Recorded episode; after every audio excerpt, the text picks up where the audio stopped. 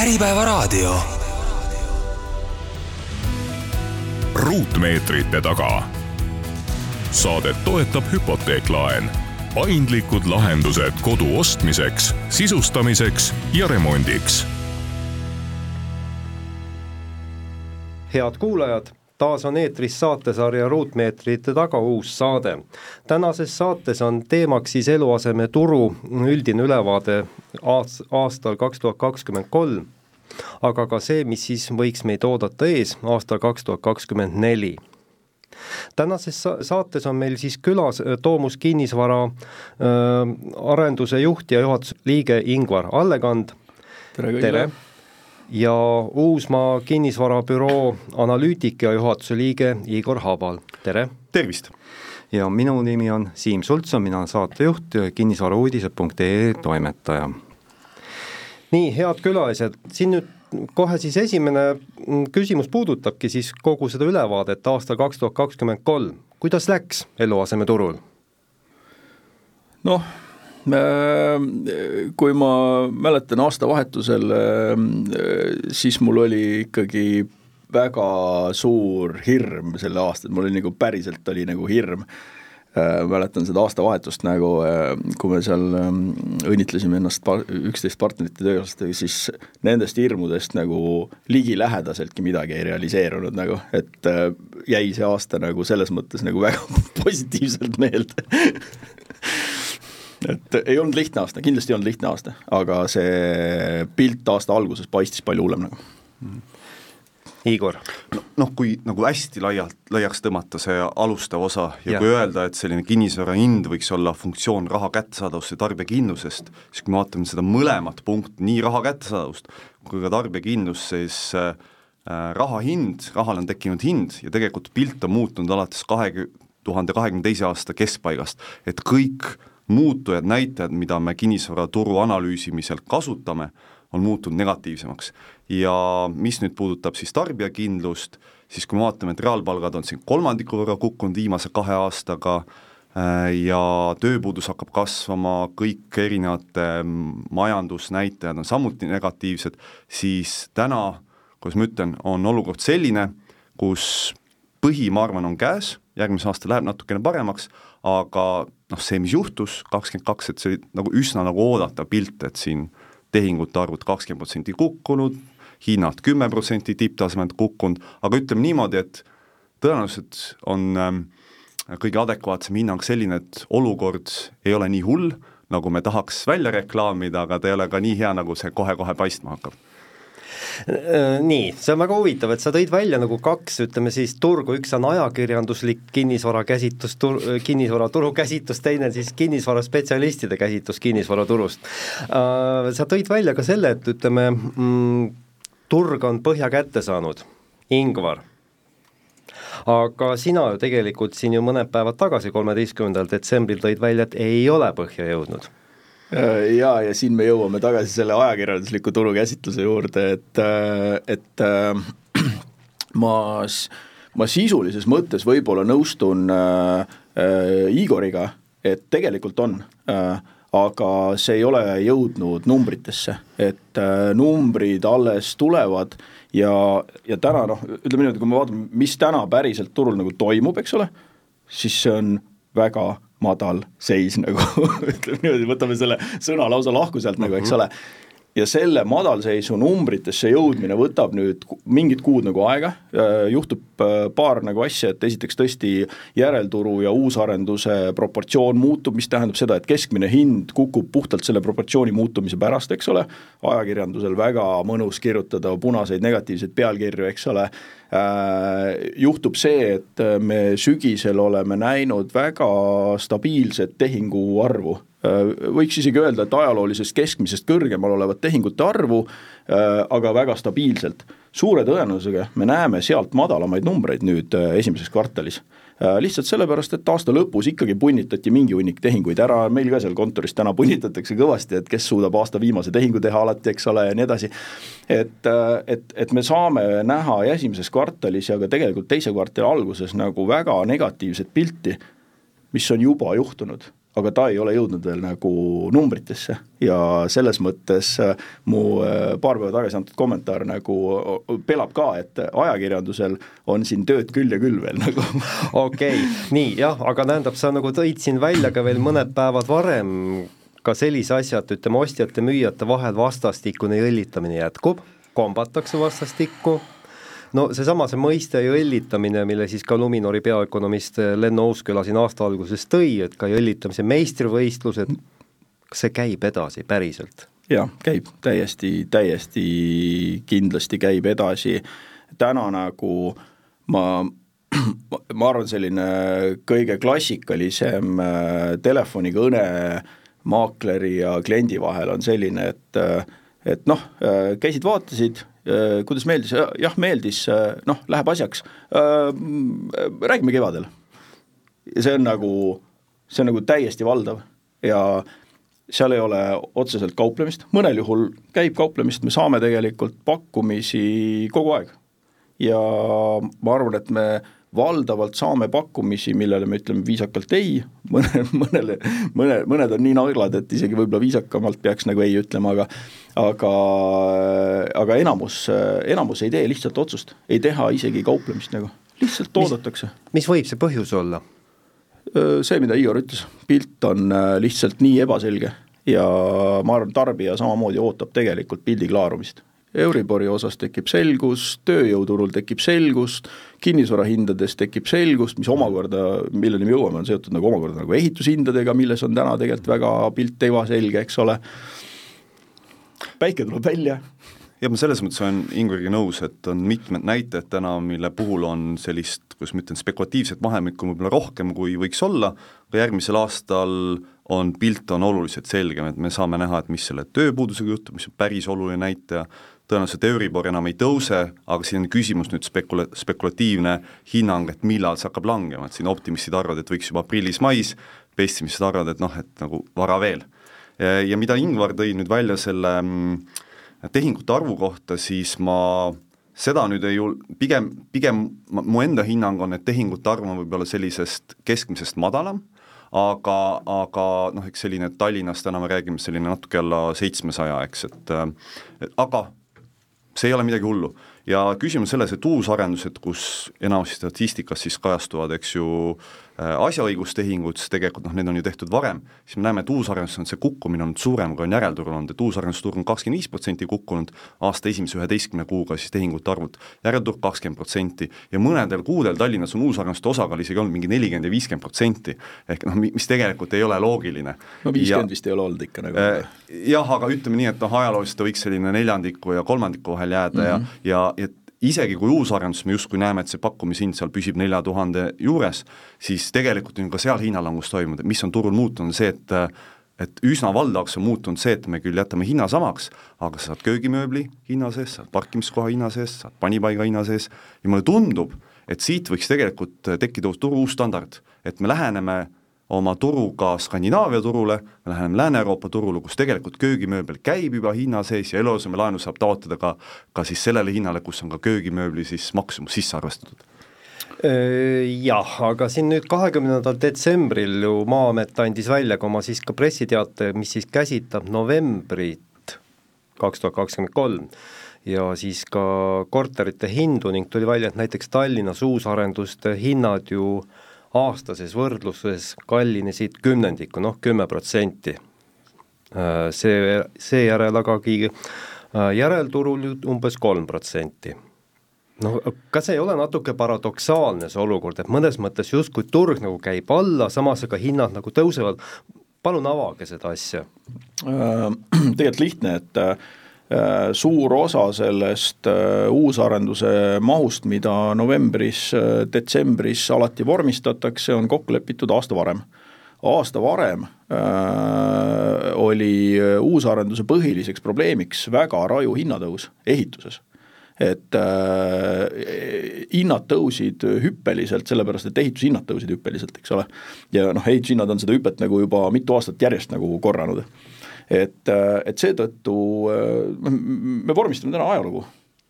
et äh, järelturg on palju lühema sellise nagu vinnaga et järelturg kajastab palju rohkem tegelikku tänast pilti ja selles mõttes Äh, ka need numbrid, eks ole, et äh, Igor küll ütles, et äh, uusarendus on tehingumahtudel kakskümmend viis protsenti vähemaks jäänud, järelikult kakskümmend, eks ole, tegelikult ma arvan, et uusarendus on kõvasti rohkem tehingumahtudelt, uut müüki tehakse täna tõenäoliselt veel rohkem, vähem nii-öelda nagu. Järelturg toimib palju stabiilsemalt täna no noh, minu aluseks on Citify statistika, kus nad kajastavad siis äh, noh, sisuliselt noh, me ei tea, kas läheb lõpuks asja õigusesse, aga noh, ikkagi need, mis kodulehekülgede siis hinnangul on näidatud, et on müüdud, noh, nad ütleme nii, ka katavad mingisugune kaheksakümmend protsenti turust, et noh, alati statistikas me teame, et, et on suured valed, väiksed valed, statistikad, nüüd oluline ongi aru saada, et mis see suur pilt on ja kui palju niimoodi need, see väike nii-öelda infokild siin-seal noh, reaalselt tegelikult pildis mõju mängib aga see köökide ja panipaikade ja parkimiskohtade temaatika, et et põhimõtteliselt sul on õigus et neid äh, asju on äh, kõige lihtsam sul kasutada kauplemisel, et noh, et, et olukorras, kus on äh, ostjaturg, eks ole, et müüja otsib kogu aeg võimalusi kauplemiseks, eks ole, ja need on kõige, kõige lihtsamad viisid kauplemiseks, eks ole, sest et lõppkokkuvõttes istub arendajal ka pank kukil, kes tahab, et näed, selle, selle hinnaga te, toimuks nagu tehingud, eks ole, ja arendaja peab need tehingud nagu tegelikult ette näitama, eks ju, ta ei, ta, ta juba sellepärast ei saa lõpmatuseni kuskilt hakata hindu alla laskma, eks ole mis nüüd tegelikult minu arvates äh, nüüd kohe-kohe nagu juhtumas on, on ka reaalhindade alandamine, et äh, meil, meil oma kontori selline tõdemus on see, et kus tehakse circa kümneprotsendiline hinnaalandus, äh, et seal päriselt tuleb ostja huvi vastu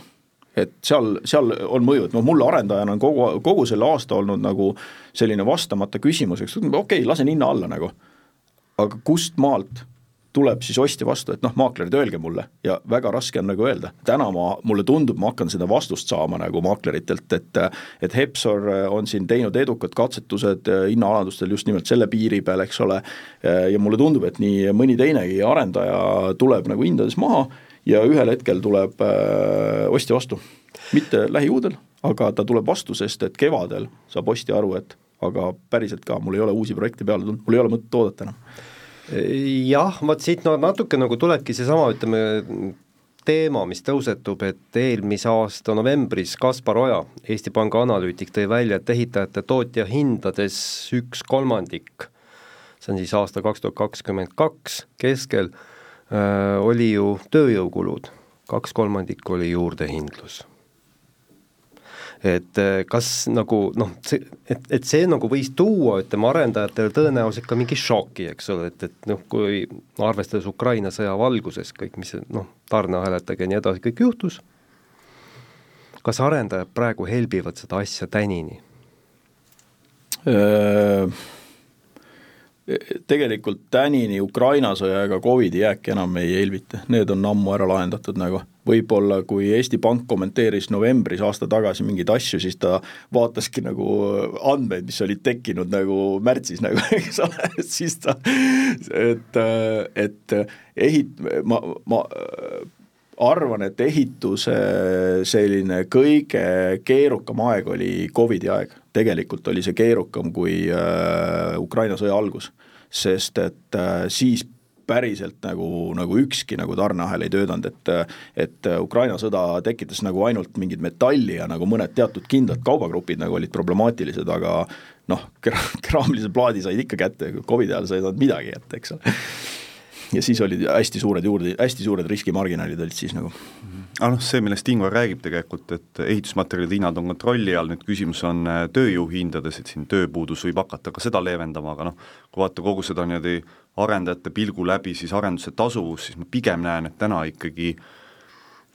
kui sa nüüd ei ole hakanud ehitama ajal, kui veel ehitushinnad ei kasvanud äh, hüppeliselt või kui sa saanud krunti odavalt, siis pigem täna arendajate investeeringu tasuvus on väiksem, sest sul äh, müügiaeg pikeneb, sul äh, tulupool on väiksem, kulupool on pigem ju kasvanud, et, et mina näen küll seda, et mingit äh, noh, ka mingites projektides ka ma ei tea, kas nüüd kahjumiga, aga siit on noh, arendajad on selline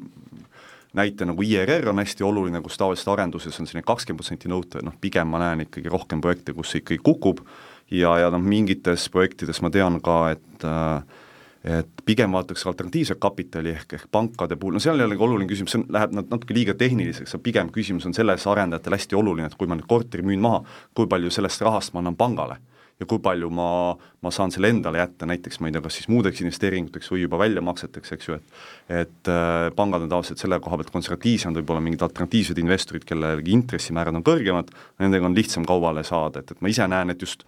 ma ei tea, korra ärikinnisvara peale kiigata, et siis tõenäoliselt ikkagi kuna pankade kinnisvaraportfellid on niikuinii nagu pigem nagu rohkem täis, kui, kui tühjad ja, ja, ja ma arvan, et see konservatiivne poliitika pigem jätkub, siis, siis ma näen, et sellised noh, kas siis, ma ei tea, siin võib tuua mingisugused rahas olevad eraettevõtted või mingid alternatiivsed variandid, et, et rahastavad võib-olla rohkem erinevaid arendusi kas peab jätkuvalt paika, et arendajad on praegu hästi kapitaliseeritud? Mina usun, et äh, on, äh, nagu päriselt ka usun, et on. Äh, see on nagu tegelikult keerukam veidi see maailm, see, see ei ole päris nagu mustvalge, et ma ei, ma ei näe seda, et toimuks mingisuguseid odavmüüke, no, no lihtsalt ei ole nagu, et äh, projekt, ehitusõigus ei liigu käest kätte täna mingisuguse soodsa hinnaga, no, no ei ole ühtegi tehingut nagu, eks ole. et ainukesed asjad, kus ma olen näinud, mis päriselt äh, omanikku vahetavad, on sellised, kus eelmine arendaja on, ta on lihtsalt normaalselt soperdanud, noh et äh, mõned sellised projektid äh, ma olen näinud, äh, on läinud täitmisele, on läinud kuskile mujale nagu, eks ole, on uus omanik tulnud, võtab üle, eks ole, seal on lihtsalt lolluseid tehtud nagu. Aga neid on aga alati olnud, ka ma ei tea, kolm aastat tagasi oli selliseid mm. projekte, eks ole on ka arendajad, kes, kellel on portfellis võib-olla rohkem projekte, kui oleks vaja ja neil on vaja omakapitali kas siis tõsta või või jätkata siis mingite projektidega, mis vajavad rohkem tähelepanu, sest tegelikult nad ei müü oma neid põhiprojekte, nad müüvad pigem selline nagu B-C kategooria projekte, et noh, lihtsalt nagu mingisugune selline portfelli põhjast niimoodi jah, tingitakse fookust, eks ole, et mingid asjad, mis otseselt nagu fookusesse ei mahu, neid ollakse valmis müüma ja nii edasi, eks ole, aga ikkagi, kui see, kui normaalset pakkumist ei tehta nagu, siis mingit odavat pakkumist ei võeta lihtsalt vastu nagu et äh, pigem nagu hoitakse, eks ole. aga see arendajate kapitaliseeritus on ka huvitav teema, et see ka väga tihti me ju ei tea, mis rahast see arendaja ehitab, et, et, et tihti on ju ta, võib olla ka mingite väikeste või nišiprojektide puhul on ta ainult ju projektijuht ja kogu see kapital tuleb tegelikult erainvestoritelt. väiksematel projektidel on päris palju niimoodi äh, üks selline nüanss on nagu, nagu see, et, et arendajad on äh, huvitatud uute projektide sissevõtmisest näiteks eelkõige siis, kui mingi asi kuskil lõpeb nagu, eks ole, noh, sul, sa oled nagu pangaprojektist välja saanud, nüüd teed mingisuguseid, müüd neid viimaseid kortereid, eks ole, siis tekib sul arvele mingi hunnik nagu raha, mis sa sellega teed, eks ole, tahaks osta järgmise projekti, eks ole. Äh, aga nüüd nagu müügid ei lähe praegu, eks ole, et noh, et sul, sul seda, seda komponenti tegelikult nagu ei teki, eks ole, siis siis on äh, see järgmine liin, kus on äh, maaomanikud, kes ise tegelikult ei ole nagu lõpuni ehitajad, nad teevad detaili ära ja siis noh, nende spetsiifika on see, et müüks nagu edasi, eks ole. Nemad istuvad ja ootavad, et okei okay,, et aga miks ei ole arendaja minu juurde tulnud, et seda maad nagu ostma, et noh, eelmine aasta käisid kolm tükki siin rääkimas, ma siis ei tahtnud müüa, aga nüüd nagu ei tule. Mida nemad teevad nagu äh,, seda ma tegelikult ei oska hinnata, et kui hea kapitaliseeritus seal on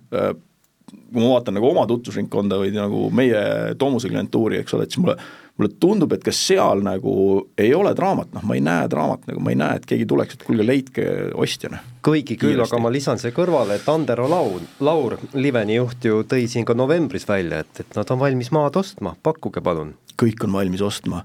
Äh, Liven on valmis ostma, äh, Endover on valmis ostma, Toomus on valmis ostma, Merko on valmis ostma, Fund on valmis ostma, isegi Jütt on valmis ostma, Ponava. kui Tallinnas kehtestatakse aastas, tippaastal kehtestati, ma ei tea, kuni üheksakümmend detailplaneeringut, eelmine aasta oli seitse vist oli. Äh, kas neliteist, see aasta noh, umbes kümne juures, see tohutu kukkumine on toimunud ja, ja kui vaadata ehituslubasid, siis noh, ta kui ütleme, ma ei julge ennustada, et nüüd järgmine aasta hakkab turgu mõjutama, kui tippaastatel anti Tallinnas, ma ei tea, kuni kolm tuhat, eks ju, ehitusloa korterit välja, siis see aasta on mingi tuhat kakssada, eks, kui me vaatame sellist aastast müüki täna Tallinnas uusarendusel, on ka umbes tuhat kakssada, noh, see on praegu nagu üks-ühele, et sa aastaga müüd ära selle, et, et mis tegelikult Tallinna turul on olnud selline pigem selline keskmisest aktiivsem tempo ja noh, nüüd, kui see turg peaks näiteks aktiivsemaks muutuma, siis võib tekkida see olukord, kus enam ei tule uusi korterid peale, siis me küll ei räägi veel järgmisest aastast võib-olla, aga mingi hetk võime näha pilti, et kus ikkagi sealt tekib ka mingisugune raju selline hinnatõusu periood noh, pluss äh, kui me sellele paneme veel juurde nagu tegelikult üldise sellise bürokraatia kasvu, eks ole, et noh, Tallinna linna äh, teatav saamatus äh, planeeringute ehituslubade menetlemisel on noh, üldteada mõttetut kirumist siia nagu ei tooks, eks ole, aga üldine bürokraatia kasv ka, eks ole, et Tervisekaitseamet on siin otsustanud, et ainult nemad teavad, kus inimesed elada tahavad, et näiteks tänava ääres tegelikult ei taha elada nagu inimesed, mis on nagu aga küll, aga küll, aga tuleb lisada kõrvale, et ka Martin Karro, linnaplaneerimisameti juht, lubas, et nüüd kiirendatakse kiirendatakse ehituslubade menetlemist ju. Äh, ja jumal tänatud, et Martin seal on, sest tegelikult on seal veel terve hunnik nagu häid inimesi, kes äh, päriselt pingutavad selle nimel, et asju paremaks saada ja ikka Eesti Kinnisvarafirmade Liiduga me noh, kohtume nendega nagu kogu aeg ja otsime neid lahendusi, meie proovime oma sisendit anda, nemad annavad meile tagasi. see töö, see koostöö toimib tegelikult päris juba peaaegu hästi nagu. aga mis võiks nagu seda koostööd parandada äkki? sest tegelikult sellest sõltub ju ka ehituse ja siis samamoodi ka kinnisvara hinnastamine väidan, et kiireid lahendusi seal ei ole, Martin äh, ja Madle ja nad kõik pingutavad seal ja ja see pingutus ühel hetkel veidi kannab vilja, aga kiireid lahendusi ei ole. Ja noh, mingid normatiivid on ka võib-olla ajast ja arust, nagu Ingo ütles, kiireid lahendusi ei ole, seal võib-olla tuleks vaadata, ma ei tea, mingites piirkondades parkimisnormatiivid üle, et kas on vaja maa alla ehitada, noh muud sellised asjad, et no kõik needsamad parkimised, mürad nagu asjad, et et neid, et, et meil, meil Eestis nagu kombeks nagu kogu aeg veeretada nagu endale, iseendale nagu ette järgmisi takistusi, millest üle ronida ja väga harva küsime, et kuule, kas päriselt ka on nagu vajalik, kas päriselt on vajalik, eks ole, ametniku seisukohast nagu ma tegin oma töö ära, jee, näpud püsti. Ja siis nagu kahe aasta pärast saab tarbija aru, et kurat, aga ma pean selle kõik kinni maksma nagu, tarbija maksab selle lõpuks kinni. Ja tarbija läheb valima meil ja ta ei mõtle selle peale, et kuule, seesama tüüp, keda ma seal valin nagu, eks ole, tema pani mulle kakskümmend prossa koduhinnale otsa nagu. ma arendajana olen lihtsalt vahemees siin nagu päriselt ka. nii, aga ma korra küsin siia vahele, et üks asi on ka veel nüüd seesama üüriarendus. Äh, Bonava just siin avas ju ka oma Mustamäel mitu hoonet, ütleme, mis on kohe üüriarendusena välja tulnud, et kas see on mingi uus trend või on see, ütleme, üles kiidetud nähtus või on see hädalahendus, mis see on? no ta on arendaja hädalahendus ikkagi, et ütleme nii, et eks ta on, kuidas ma ütlen, sellisel moel ei ole varem võib-olla olnud, et, et pigem on ta olnud perioodidel, kui ongi võib-olla raske mingit korterit müüa, selle asemel, et müümata, siis noh, proovida kas või mingit tulu tekitada, et eks ju noh, üüriturg pigem võib-olla ka arendajad näevad, et noh, see on täna lihtne viis, eks ju, realiseerida seda vara mingit moodi, samal ajal eks ju jääb see kätte hiljem saad seda uuesti müüa um,. Jah, selliseid korterid, ma arvan, väga palju hetkel ei ole tekkinud, ma julgeks öelda, et see maht võib olla, ma ei tea, viiskümmend kuni sada korterit, mitte väga palju rohkem, et, et kas see nüüd turgu hakkab väga palju mõjutama, ma vaatan, et üürikorterite arv niimoodi ametlikult, see maht ei ole väga palju kasvanud ja üüriturg pigem kui siin Ingvar rääkis enne, et kaks tuhat kakskümmend kolm algul temal olid väga suured hirmud, siis ma nagu üürituru suhtes olin palju positiivsem. aga, aga siin on selgeks saanud, eestlastele pigem ikkagi meeldib rohkem omada kui üürida, et, et kui isegi täna on selline anomaalia, et ma ei tea, kuumaksed on üüri puhul ikkagi noh, ikkagi odavamad, et noh, kui ma ise näiteks vaatan korterit mingit kahetoalist, ma ei tea, kas tuhat eurot või seitsesada eurot, noh mingi vahe ju võiks olla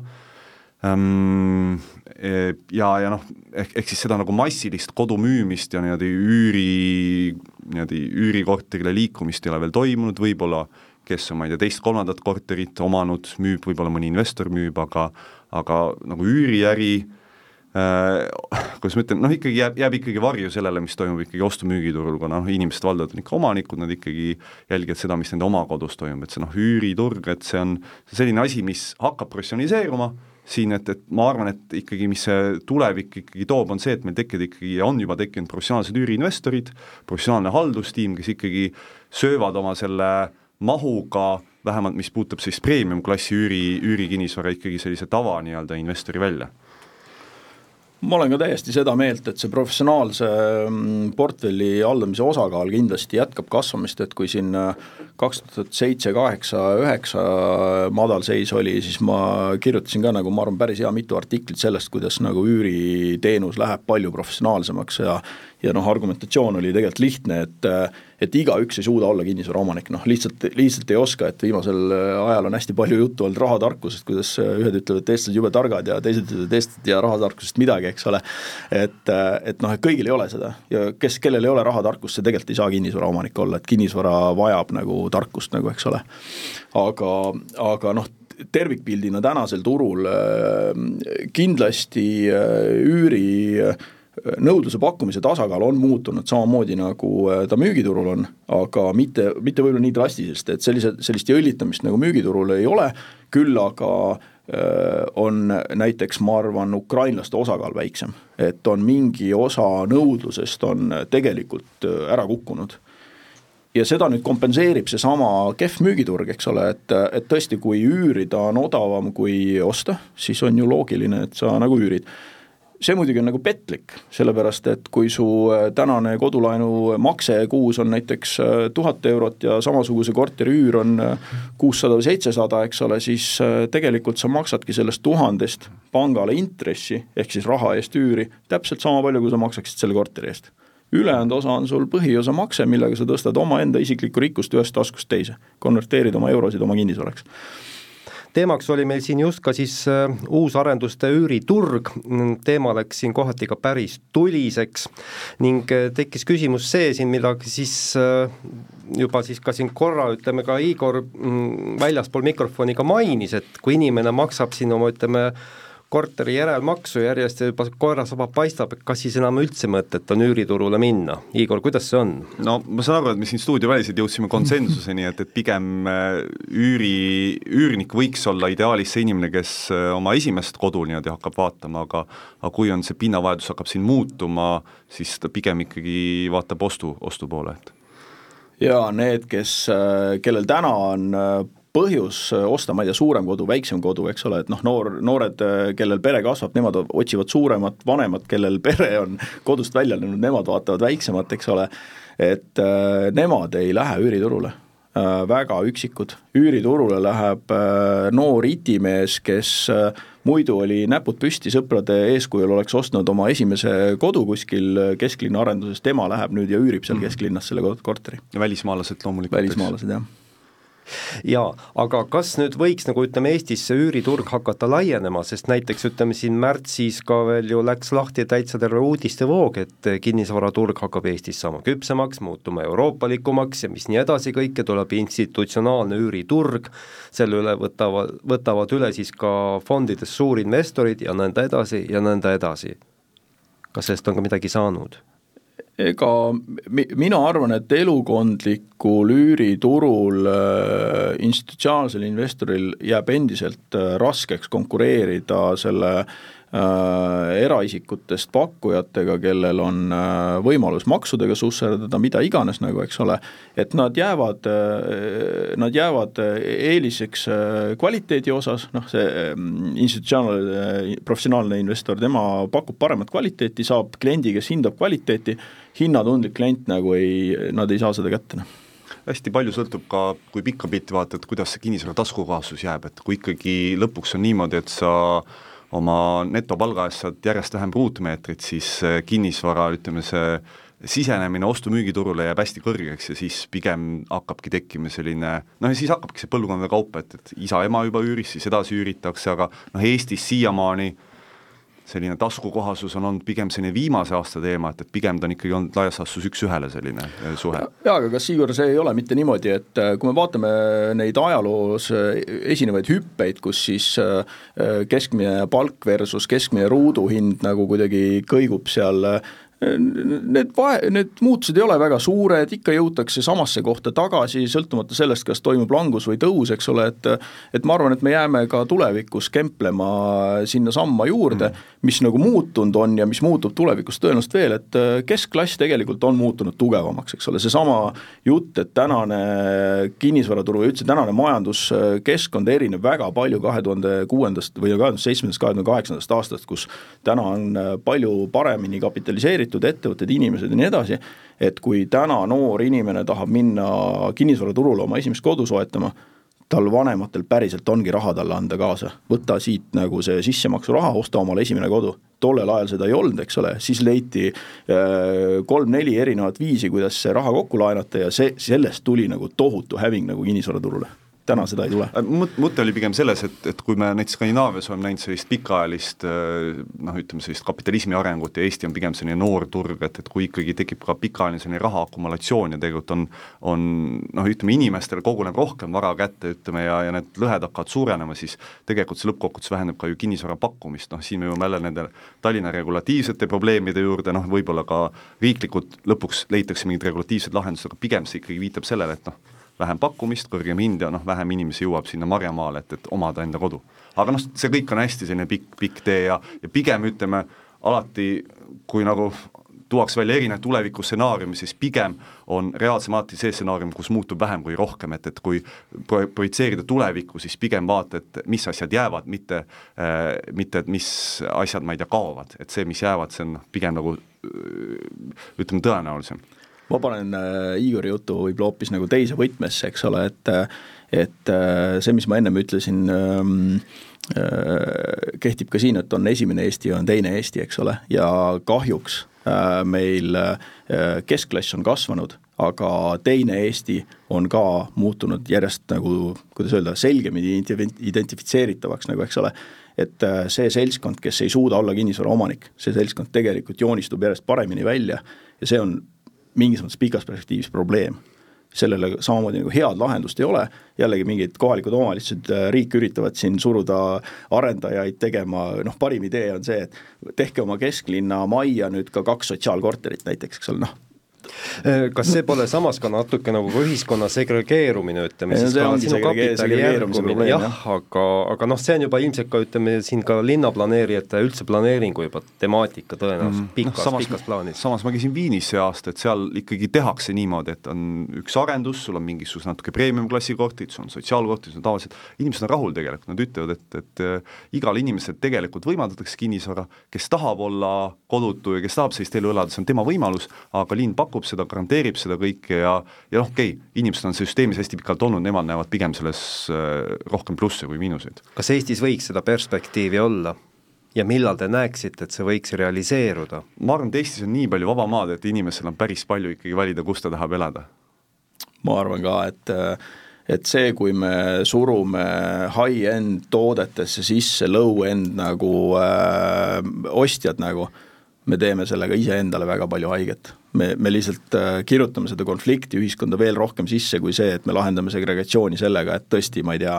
äärelinnas elavad ini-, ökonoomklassi toodet tarbivad inimesed ja city's elavad need, kellel on nagu päriselt raha seal city's elada nagu. kas see tähendab siis seda, et, et tõmbaksime siis piltlikult öeldes teise Eesti esimesse Eestisse? noh mingeid selliseid äh, jutte äh, aetakse poliitilistes ringkondades aeg-ajalt, aga ma, ma, ma arvan, et see oleks viga. Ma arvan ka, et pigem tasuks ikkagi tegeleda ju keskkonna üldise parandamisega, ma ei tea, normid, noh see, et noh, linn nagu peaks tegelema sellega, mis nagu linnakohus võiks olla, eks ju, et, et äh, teed, tänavad, pargid, haljasalad, koolid, kõik see, et, et kui muuta see elukeskkond igal pool selliseks mõnusaks, siis ju ka ei teki seda nii palju, et just. esimese Nii. Eesti ja teise Eesti äh, lahutamine algab haridussüsteemist, see on põhiline probleem tegelikult, kust see välja joonistub nagu, sellega tuleb tegeleda minu arvates nagu. seal tuleb probleemid ära lahendada ja siis meil ei ole see lõhe nii terav nagu. et see on juba laiem ühiskondlik teema siis juba. nii, aga vaataksime nüüd natuke ette ka aastasse kaks tuhat kakskümmend neli, no võib-olla kakskümmend viis ka, kui te juba suudate ära näha, oleks hüppe, hüper-super.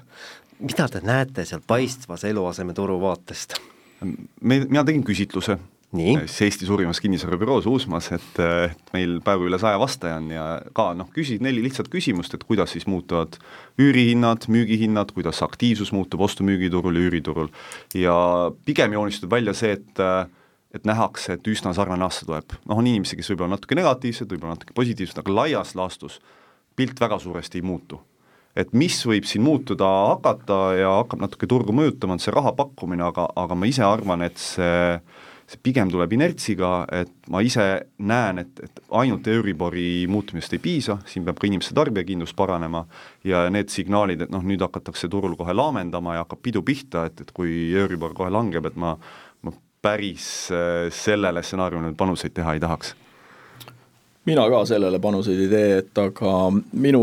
ja, ja ma usun tõesti ka, et on see kakskümmend neli aasta saab olema suhteliselt sarnane kahekümne kolmele mitte kuude lõikes, kuude lõikes kindlasti saab olema erinev äh,, aga tervikuna ma arvan, lõppnumbrid tulevad suhteliselt sarnased äh, ma, ma ise usun, et see kevadel äh, toimub mingi elavnemine lihtsalt sellepärast, et äh, inimeste nagu no, tal, nagu talvine kaamus saab nagu läbi ja yeah. sa ei, sa ei suuda taluda nagu seda masendust nagu lõpmatuseni, eks ole. et sa võtad lõpuks midagi nagu, nagu ette selles suhtes ja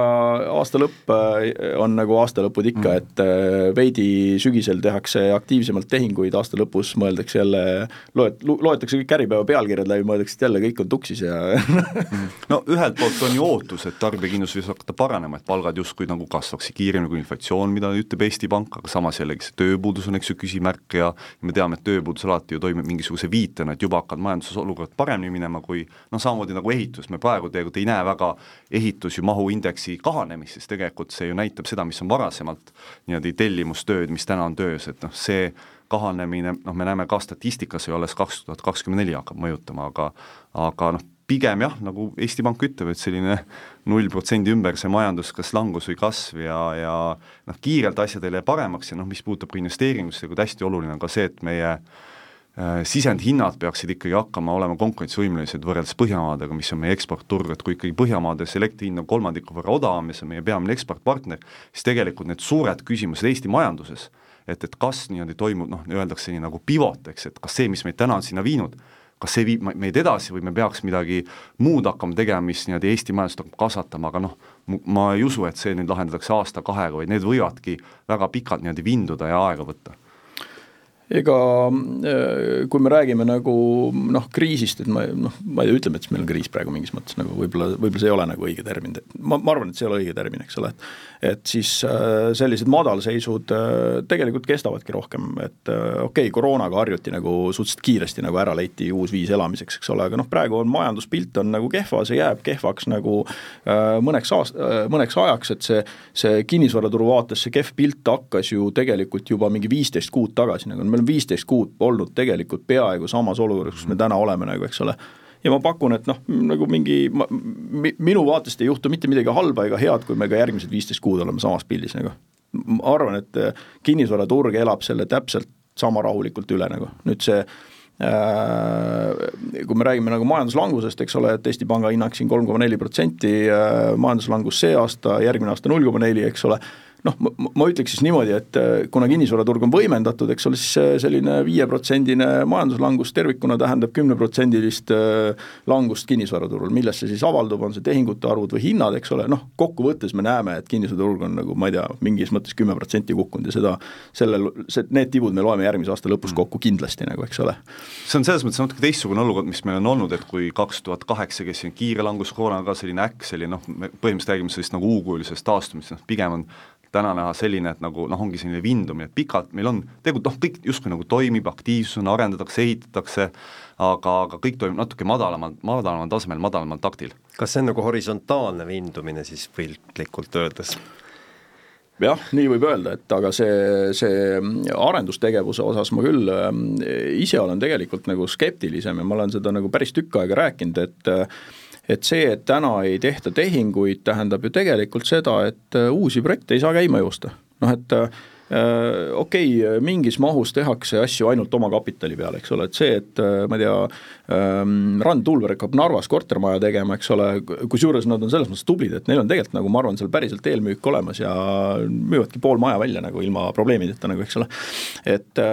et aga enamus finantseerib pank pank ütleb, et näidake mulle eelmüüki, kolmkümmend protsenti, nelikümmend protsenti, viimase kuue kuuga on kõik pangad konservatiivsemaks muutunud, eks ole, et kui varem said, ma ei tea, mõne asja veel kahekümnega või kahekümne viie protsendiga eelmüügis, täna alla kolmekümne pole nagu kellegiga midagi rääkida, eks ole. paberi pealt täna müüki nagu ei toimu, eks ole. üks pluss üks võrdub kaks, see tähendab seda, et sa ei saa projekti käima panna, noh. mis tähendab seda, et järgmise aasta lõpus ei valmi ju projekt, eks ole, järgmise aasta suvel ei ole midagi muud müüa kui ainult seesama paberi peal, eks ole ja tarbija peab nagu ühel hetkel tagasi pöörduma selle arendaja juurde, äh, et kuule, noh, kolida nagu tahaks, aga noh, ühtegi asja valmis ei ole, noh. äkki ikkagi jõuame kokkuleppele jah, vaat see on nagu hästi selline nagu ütleme, paradoksaalne olukord, et kui vaadata näiteks Eesti Konjunktuuriinstituudi ka tarbijakindlusindeksit, siis noh, eelmisel aastal tõesti ta oli septembris vahepeal kukkus lausa miinus neljakümne viiele siis ta sealt tõusis veidi kõrgemale, nüüd siin paar kuud hulbib miinus kolmekümne viie peal, no ega eriti keegi väga positiivselt meelestatud pole ja nüüd noh, paradoks see, et, et nii nagu me ütleme, noh, ka Ingvar, sinu jutust, kui ma saan aru, eks ole, et ja see viib ka selleni välja, et arend-, uusarenduste korterite hinnad hakkavad tõusma, tekib ju defitsiit ehk et no mingi hetk, et justkui oleks nagu ostjate turg, aga kas see hakkab nüüd pöörduma müüjate turuks mingi hetk? no pigem kakskümmend neli kindlasti mitte nagu, pigem jääb kakskümmend neli ikkagi nagu selliseks ostjate turuks. Ühel hetkel, ühel hetkel ma usun, et võib-olla leitakse rohkem tasakaalu, eks ole. ja see, mis hetkel päriselt Bruce'i projekte käima joostakse, see, see sõltub hästi nagu ehitusturust. Ja, ja see on see, kus mul, mul hetkel nagu arusaamine puudub, et ma nagu hästi palju ehitajatega suhtlen ja ma ei, ma ei näe sinna suhtluse taha, et et kui suur võiks olla tõenäosus, et ehitushinnad langevad. noh, ehitushind koosneb ju laias laastus kahest komponendist, pool on tööjõud, pool on äh, materjal. materjalid ei ole, materjalid on kogu aeg läinud kallimaks, noh mõni üksik materjal läheb odavamaks, tõenäoliselt ei lähe materjalid odavamaks nagu järgmine aastal, sealt hinnavõitu ei tule. kas ehitussektoris palgad hakkavad langema? Tegelikult ma ei tea nagu, eks ole, ja see sõltub omakorda sellest, palju riik pumpab nagu oma tellimustesse, eks ole. kõik see valitsuse jutud selle kohta, kuidas meil üldse raha pole, võiks tähendada, et noh, et me ei ehita nagu, eks ole. aga tegelikult me teeme mingisuguseid loodusmaju ja mingeid ime, ime nagu kulutusi nagu, eks ole, mida mina mõtlen nagu erasektoris, et siis päriselt nagu otsustasitegi niisuguse kulutuse teha nagu keskkonnamaja ikka, keskkonnamaja. jah, jah, aga noh, vot näiteks jällegi Swedbanki ehituse kinnisvaraosakonna juht Eero Viik viitas sellele, et ehitajaid on aasta pärast vähem kui praegu. Noh, mina nii palju, kui ma ehitajatega suhtlesin, pigem ma näen, et need probleemid pigem on olnud sellised äh, arendajate poolsed, et sellised noh, väikesed, ma ei tea, korterite remontijad ja ehitajad, kes noh, ma ei tea, paar kuud käivad Soomes, Rootsis, tulevad siia, noh nende puhul ma näen, et kes on hea ehitaja, nõutud ehitaja, siis siis täna on ka see, et kui võib-olla, kui inimesed võib-olla ostavad vähem, aga teevad võib-olla rohkem remonti, sest mis on ka toimunud korteriturul, on see, et et, et pigem inimesed tahavad täna valmis asja saada ja ka järelturul. et, et nad ei viitsi seda ise, nad näevad, kui niisugune mingi heas seisus kulumiga näevad ikkagi noh, viie aasta lõikes ma pean ikka seal midagi tegema ja ja täna pigem ostetakse neid korterid ikka, kus omanik juba on, on selle asja teinud, et, et müüki kiirendada nii, härrased, nüüd ütleme üks selline küsimus teile väga lihtsalt, uusarendus ja järelturg, korter, et äh, üks asi on, ütleme nagu kuulutuse hind, teine letihind, kui palju see letihind võiks olla või erineda? no sa mõtled nagu pakkumishind ja tehinguhind? Nagu. just, nii. Äh, ma ütlen, et selline laias laastus ta on kümme protsenti laias laastus. laias laastus. see on nüüd täiesti ilmselt siis juba allapoole. ja see pigem ka täiesti oleneb, millise võrdlusbaasi pealt me hakkame tulema, et võib-olla järelturul võib olla seal mitu allahindlust, enne kui jõutakse tehinguni, uusarenduses on juba kohe kuidagi niimoodi need hinnad nagu niimoodi palju, palju nagu suuremad teatud arendajatel ja selle võrra pakuvad ka suuremat allahindlust, et juba see nagu mull on suurem, mille pealt, aga noh, ütleme, kui on selline keskeltläbi kümme protsenti. ma väidan, et see on väiksem number, päriselt ka. see täna, täna see ei ole veel nagu kümme et äh, üksikutel muidugi on, üksikutel tõenäoliselt isegi rohkem, aga kui me võtaks nagu hunniku projekte ja hunniku tehinguid, vaadates nagu mis hinnaga oli korter, mis hinnaga oli seesama panipaik, mis sinna hinna sisse pandi või parkimiskoht, eks ole, siis me tegelikult näeme seal tõenäoliselt kuskil mingi viie-kuue sealkandis nagu seda päris kokkulepet nagu, sellist alet. jaa, aga see on vaata juhul, kui, kui me räägime, eks allahindlust, on ju veel arendajad, kes tegelikult noh, ma ei tea, siin mõni uus arendaja, kes on tulnud turule, noh, ma ei tea, kui võib siin nime välja tuua või kui on Kaave Türi, eks ju, üheks arendus, mis tegelikult on justkui nagu keskmine kõige soodsam arendus, aga, aga jube hästi müüb. et kuidagi on väga õige, ma ei tea, kas tootega ilmselt ka kvaliteet, ma olen kuulnud, üsna hea on sellel arendusel, et on ka selliseid näiteid, kus ma ei tea, juba on eelmüük nii suur, et, et et noh, juba järgmise maja puhul või Kotsepuu park näiteks, et täiesti unikaalne arendus, natuke nagu see noh, Pirita ja Liveni teema, et, et on ka selliseid arendusi, mis tahadki sellist nagu püüavad premium-klassi inimest saada, aga neid on täna pigem vähe turul ja kui kas või midagi sellist tuleb, siis tegelikult on see huvi on väga suur. Noh, veel nagu Epsoril on ka tegelikult edukaid näiteid siin selle kohta, et noh, küsimus ongi selles, et et kui arendaja otsustab teha hinnalangetuse nagu kuidagi mastaapselt ära, eks ole, siis see kauplemisbaas on palju madalam, jällegi kauplemine on nagu väiksem, eks ole, et arendaja, kes otsustab, et ta hinnas äh, avalikult nagu üldse alla ei lase, eks ole, siis temal tõenäoliselt on see kauplemisbaas suurem, aga aga, aga keskmisena ma arvan, et kümmet tegelikult täna ei tule välja no ütleme viiekümne vahel siis. Sellega ma kirjutan alla.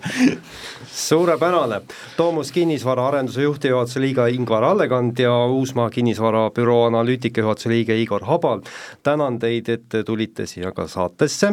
head kuulajad, te kuulasite saatesarja äh, Ruutmeetrite taga äh, saadet, mis siis sellel aastal tuleb välja viimasena. lisan siia juurde veel ühe siis ka teate, et Äripäeva ajakirjanik Kristjan Kurg laseb nüüd iga paari kuu tagant välja kinnisvara ja ehitusturu kuukirja, millel samuti sarnane pealkiri Ruutmeetrite taga. esimene tuli välja nüüd detsembris, järgmine siis ka veebruaris ning see on leitav ka Äripäeva siis ka kuukirjade lehel saadet juhtis Siim Sultson kinnisvarauudised.ee toimetaja, järgmine saade on eetris nelja nädala pärast, kohtumiseni!